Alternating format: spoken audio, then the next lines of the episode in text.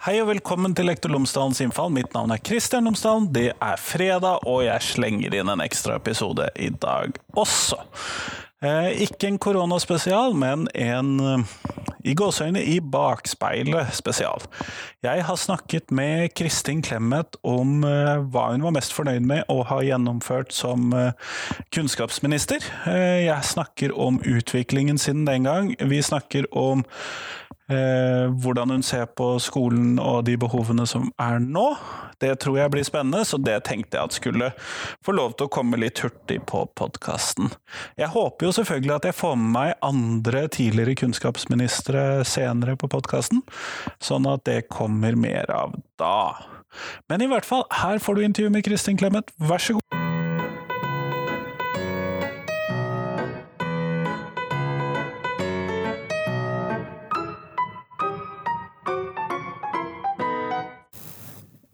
Kristin Clemet, tusen takk for at du har tatt deg tid til meg i dag.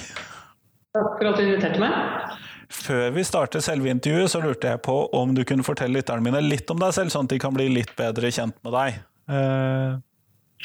Ja, jeg er uh, jo en kvinne da, på, som har kommet uh, godt over 60 og bor i Oslo. Og kan vel si at jeg har på ulike måter Eh, vært samfunnsengasjert, både i jobb og fritid, i hele mitt liv. Eh, og har vært i den, si, den formelle politikken eh, som statsråd et par ganger. Vært stortingsrepresentant.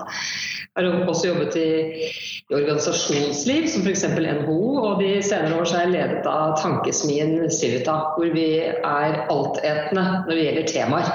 Det er en liberal tankesmie, men, men vi holder på nesten med nesten med alt. I den grad vi ikke holder på med noe, så er det eh, mer tilfeldig enn planlagt. Kjempeflott. Og det er jo nettopp fordi at du er tidligere utdanningsminister eller kun skoleminister, det har jo byttet litt navn dette her, eh, som jeg har eh, bedt deg med på podkasten. Eh, sånn at det er vel kanskje den formelle delen av politikken da, som eh, har medført dette. Ja, for I Norge er det jo sånn, i motsetning til mange andre land, at man faktisk kan være statsråd uten å være parlamentsmedlem i utgangspunktet. Og Første gang jeg var statsråd, da var jeg arbeids- og administrasjonsminister, og da var jeg stortingsrepresentant. Men andre gang var jeg jo ikke det. Eh, så da fikk jeg være utdannings- og forskningsminister uten at jeg samtidig var medlem av Stortinget. Mm. Og det er jo, For en statsviter så er jo det litt ekstra spennende i seg selv. Men eh, når du da fordi at du har jo da fått gjennomført en del ting som statsråd med ansvar for skole. Og i ettertid, sett nå da 15 år tilbake i tid, hvilke ting er det du tenker på som det du er mest stolt over eller mest fornøyd med at du har fått innført inn i skolen? Det er jo kanskje noe hvis vi skal se litt i bakspeilet her. Ja, så jeg selv om jeg ikke verken da eller nå har den oppfatningen at alt man gjør blir perfekt, det ville være nesten en skremmende tanke, eh, så er jeg likevel alt oppsummert eh, ganske fornøyd med de reformene vi sjøsatte. Jeg kom jo inn i ulike faser og hadde f.eks. ansvaret for Kunnskapsløftet helt fra start.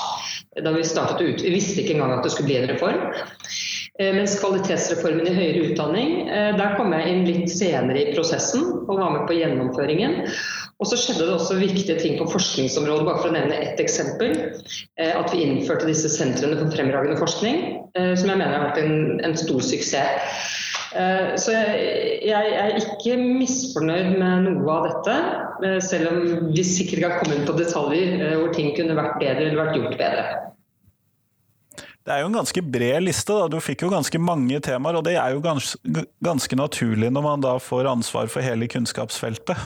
Ja, og jeg må jo legge til også at Vi hadde også ansvar for det man kaller livslang læring. Ikke sant? Så Det var også et felt utover dette her. Og det skjedde veldig mye på begynnelsen av 2000-tallet. Så kan du si at eh, noe av det kan skyldes den regjeringen som satt, eller den ministeren som satt. Men det er også sånn at noe kommer i ens vei.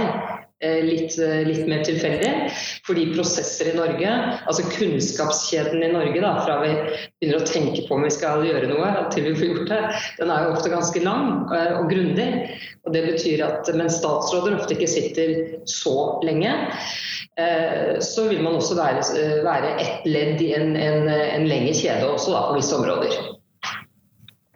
Men når du da ser tilbake på eh, sånn som Kunnskapsløftet, hvordan tenker du at dette var en forbedring for uh, norsk skole og for uh, Ja, vi sier for norsk skole, skal jeg slippe å spesifisere det noe mer, for det blir fryktelig komplisert fort. Nei, det, jo, det, som skjedde den gangen, var jo at da jeg kom inn i departementet og begynte å spørre hvordan det sto til i norsk skole, så fikk jeg jo veldig mye svar. Uh, det, men svarene var typisk, bare typisk preg av at uh, man visste egentlig ikke så veldig mye om det som skjedde inne i skolen. Om kvaliteten på skolen. Man kunne telle PC-er og lærere og, og, elever som gikk ut og, og, og sånn, men man men liksom blir de i gangs mennesker. Lærer de å lese og skrive og regne? altså går det bra med dem videre og sånn. Og det hadde man veldig liten kunnskap om. Um, og så uh, begynte det å velte ut litt mer kunnskap om dette. Uh, noe av det kom for meg helt tilfeldig, fordi det var bestilt og undersøkt lenge før jeg kom inn i kontorene. Det var internasjonale forskningsundersøkelser, det var evalueringer av våre egne reformer fra 90-tallet. Det var masse sånne studier som f.eks. OECD gjør om ressurser i skolen osv. Uh, jeg vil si at ikke bare i Norge, men også i mange andre land så oppsto det en ganske stor diskusjon om eh, fordi det var ikke alt som kom ut i den andre enden som var så bra som man trodde. Det var ikke så mange som lærte å lese som man kanskje hadde trodd. Så man begynte å studere liksom, hva, hvorfor skjer dette. Og I Norge ble det spesielt spennende synes jeg, fordi vi puttet så mye ressurser inn i skolen målt mot andre land. Vi puttet, kunne bare konkurrere med Danmark, tenker jeg, når det gjelder ressursbruk. Og Dermed så ble det igangsatt et veldig, veldig stort arbeid både i departementet og uh, med svær dialog med uh, altså skoleforskningen i bred forstand, og også med Skole-Norge, om, uh, om hvordan vi kunne beskrive norsk skole. Og Da endte det med at det var veldig mye positivt å si, men også noe som ikke var så positivt. Og Noe av det som ikke var så positivt, det hadde å gjøre med at en høy andel elever ikke lærte å tilegne seg grunnleggende ferdigheter i løpet av ti års skolegang i tilstrekkelig grad. Det kunne være altså, trif, altså, Trivselen kanskje ikke var så høy som man altså Det var høy trivsel, men altså at det også var elever som hadde eh, problemer eh, osv. Og, så endte det jo med at en, en, et veldig bredt arbeid da, for å se hva vi kunne gjøre med det. Og da jo, ligger det jo i politikkens natur at man prøver å reparere det som ikke virker. Og Det som særlig kom tydelig frem den gangen, var jo dette med, med, med grunnleggende ferdigheter. At eh, det, der var det eh, et stort arbeid å gjøre. Og jeg vil legge til én ting til.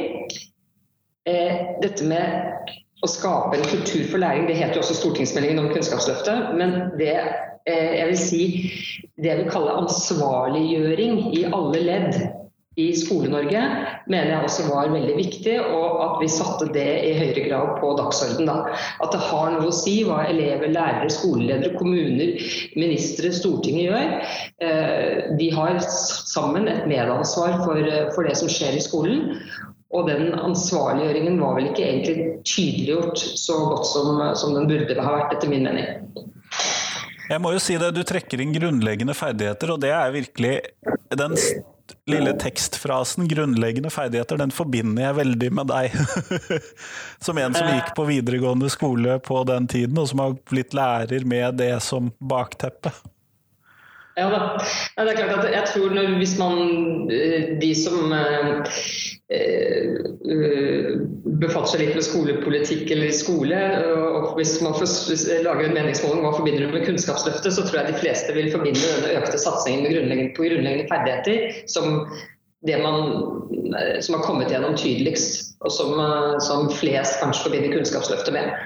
Mm. Eh, men en av disse andre tingene som har fått en større plass gjennom Kunnskapsløftet, og som eh, kanskje er mest omdiskutert blant i hvert fall en del lærere, er jo sånn som nasjonale prøver og sånne ting, som i hvert fall har blitt fokusert mer på fra og med din kunnskapsministertid. Mm. Eh, og, Eh, og når jeg, jeg, stilte et spørsmål her på torsdag som var om eh, hva skal ut av skolen, og da var det relativt mange som mente dette at nasjonale prøver det burde ut av skolen. Hva tenker ja. du om det? Ja, altså jeg tror det er en trend eh, nå i tiden at det er mange som vil hive ut ganske store deler av det nasjonale kvalitetsvurderingssystemet. Men, eh, men grunnen til at jeg ikke nevnte nasjonale prøver, er at helt sånn formelt sett så var det vel ikke egentlig en del av Kunnskapsløftet da vi la frem stortingsmeldingen Kultur for læring. Men land og det er en detalj. Det vi jo var opptatt av litt på siden av Kunnskapsløftet, men det var å etablere det vi kalte et nasjonalt kvalitetsvurderingssystem. Fordi vi avdekket jo at vi visste veldig lite om skolen, rett og slett. Om, eh, om uh, hva som skjedde. Det var for lite kunnskap om skolen. Og jeg har den grunnleggende holdningen at hvis du gjerne vil få til noe, det kan være alt fra økt trivsel til bedre leseferdigheter til whatever, så må du ha noe kunnskap om hvor du står. Og det må alle de som har ansvar og er beslutningstagere ha. De skal ha ulike typer av kunnskap. Læreren skal ha kunnskap om den enkelte elev.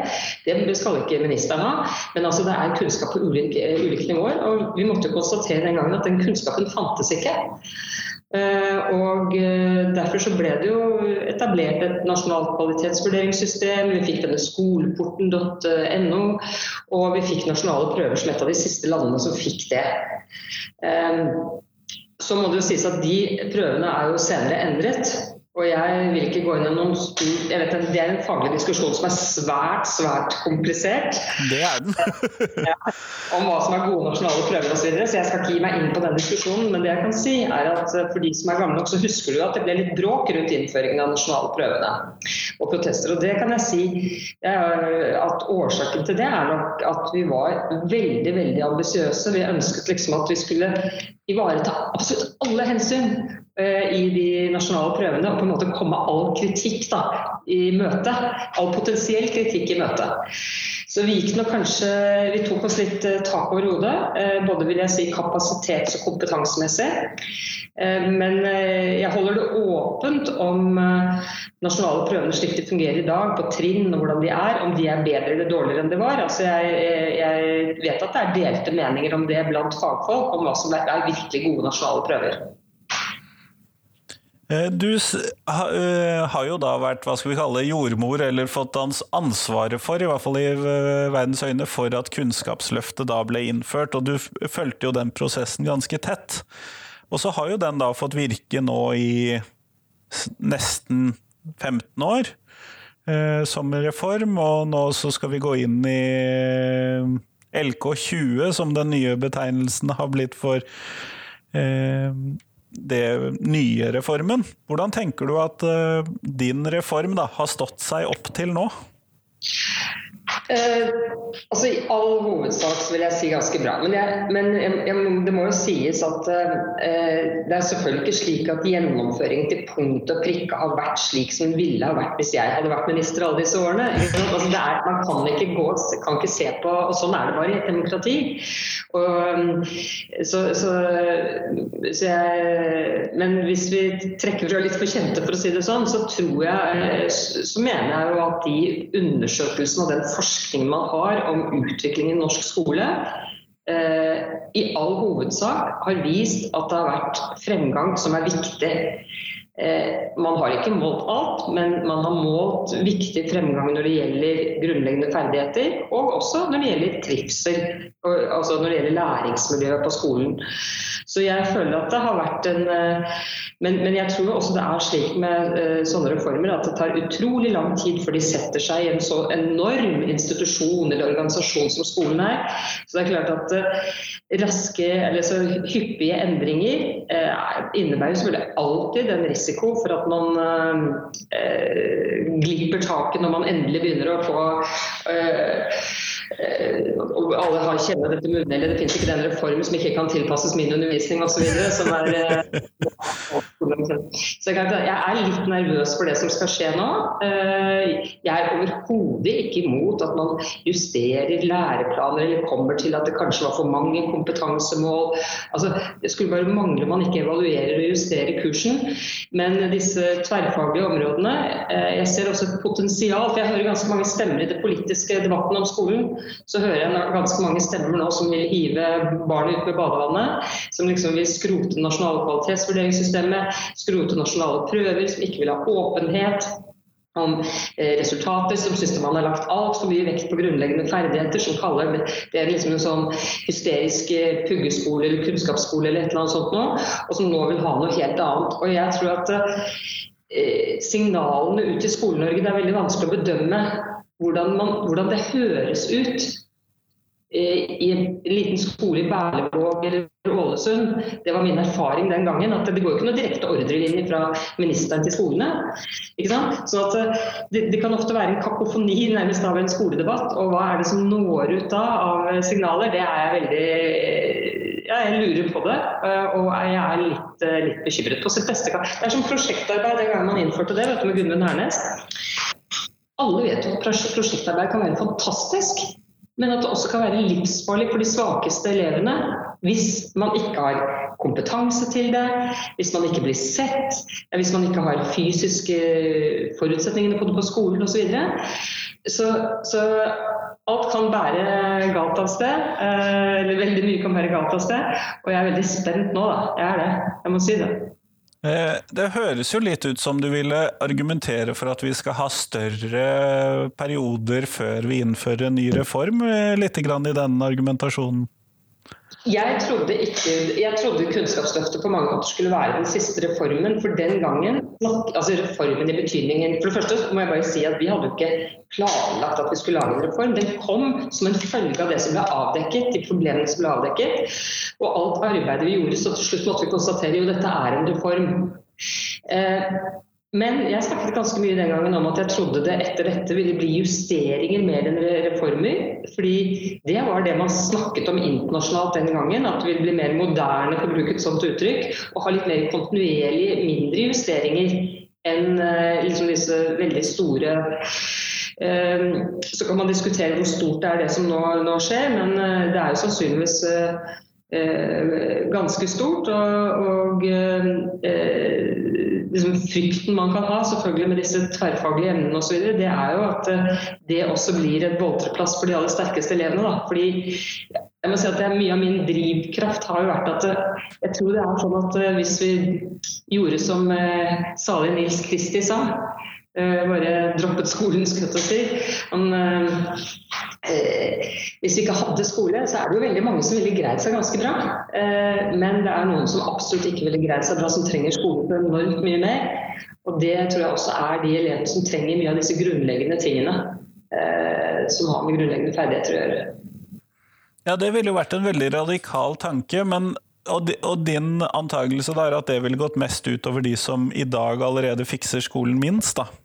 Ja, sånn at de som trenger skolen altså ja, det er Noen trenger skolen bedre enn andre. Det er jo derfor man man vet at det er ikke noe vits å sammenligne eh, karakterer mellom skoler osv. hvis eh, elev, eh, elevgruppen er veldig forskjellig, kommer fra veldig forskjellige hjem. ikke sant?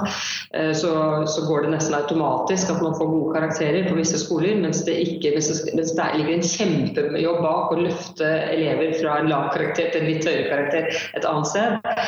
Og, og så er spørsmålet hva de elevene da trenger mest de som trenger skolen mest. Og, og, jeg tror Jeg vil ikke si de bare trenger grunnleggende ferdigheter, men jeg tror absolutt de trenger grunnleggende ferdigheter. For det, det, er ikke, det er noe som åpner ikke døren ikke bare, bare til videre utdanning og arbeid, men til, til liv, til livet og, og til dannelse også. Mm. I, eh, det er vel særlig på venstresiden som man nå tråkket frem at man trenger en tillitsreform, i, for så vidt i store deler av offentligheten, men kanskje særlig i skolen. Har du gjort deg noen tanker om det når de bruker den, eh, eller har det ønsket? Ja, ja, altså det, det, er jo en debatt som strekker seg mange tiår tilbake. Noe jeg er litt redd for nå, er at når politikere snakker om tillitsreform, og at de vil komme med en tillitsreform, så tror jeg de kan komme til å skuffe veldig mange. Og Jeg skal forklare hvorfor.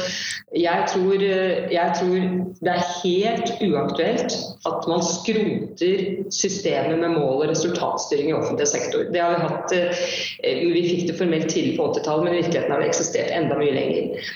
Og det er ikke funnet opp et annet system for å liksom kunne styre ressursbruken sånn noenlunde eh, fornuftig i offentlig sektor, eh, som er bedre enn en form for mål- og resultatstyring, som ikke er det samme som New Public Management, som mange sier. Altså. Og eh, Alternative måter å styre på er jo at man styrer etter aktivitet eller regler eller noe sånt noe, men, men jeg tror det gjennomgående er eh, dårligere. Men så er det jo det at mål- og resultatstyring kan gjennomføres på gode og dårlige måter. Og eh, vi må vel si at vi over årene i Norge har lært å gjøre det bedre. Altså, det er bedre i dag enn for 20 år siden.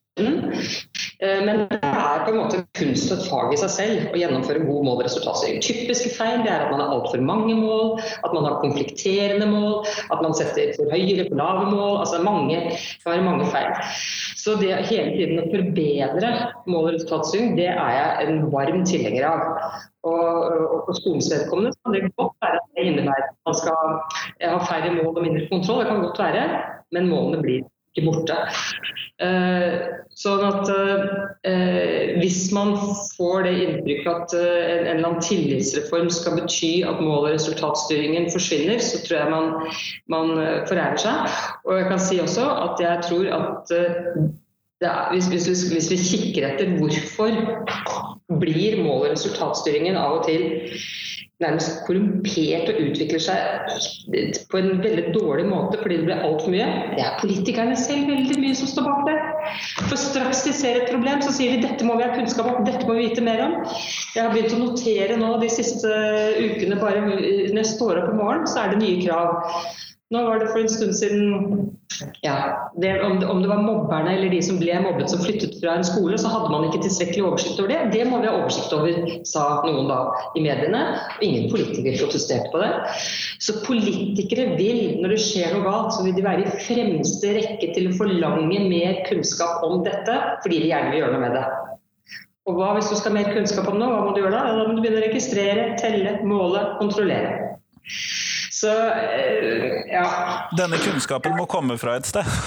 Ja, nettopp. Så, så jeg, jeg, ville Jeg er redd at vi kan få en debatt nå foran valget i 2021 som, hvor det er på et sånt veldig overordnet nivå så snakker man om at man skal erstatte mål- og resultatstyring eller New Public Management, som noen sier, med noe som heter tillitsstyring eller tillitsreform.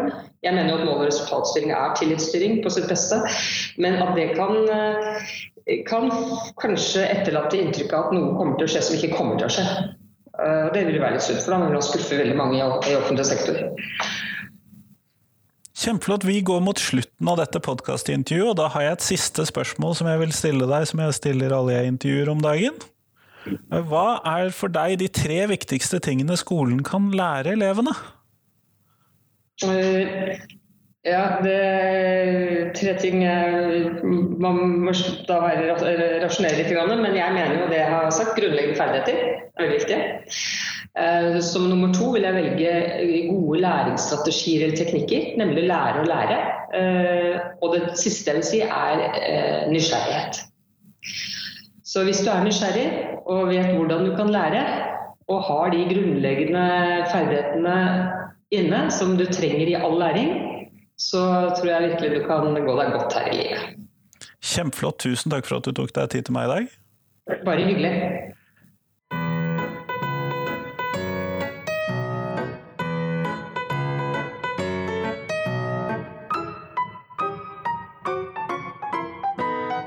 Tusen takk til Kristin, og tusen takk til deg som hørte på. Nå er det bare noen dager, dvs. Si fram til tirsdag, så kommer det et ordinært intervju på podkasten.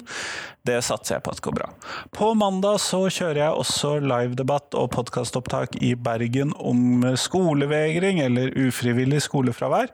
Så det blir også spennende. Det kommer neste fredag, sånn at det blir noen doble episoder nå for tiden. Men i hvert fall fram til neste gang så håper jeg at du kan dele podkasten min med noen som du tror kan være interessert i den. Og så satser jeg på at du kan gå inn der hvor du hører på podkast og skrive en review, anmeldelse, gi stjerner osv. om podkasten. Det blir jeg veldig glad for. Det hjelper folk å finne podkasten.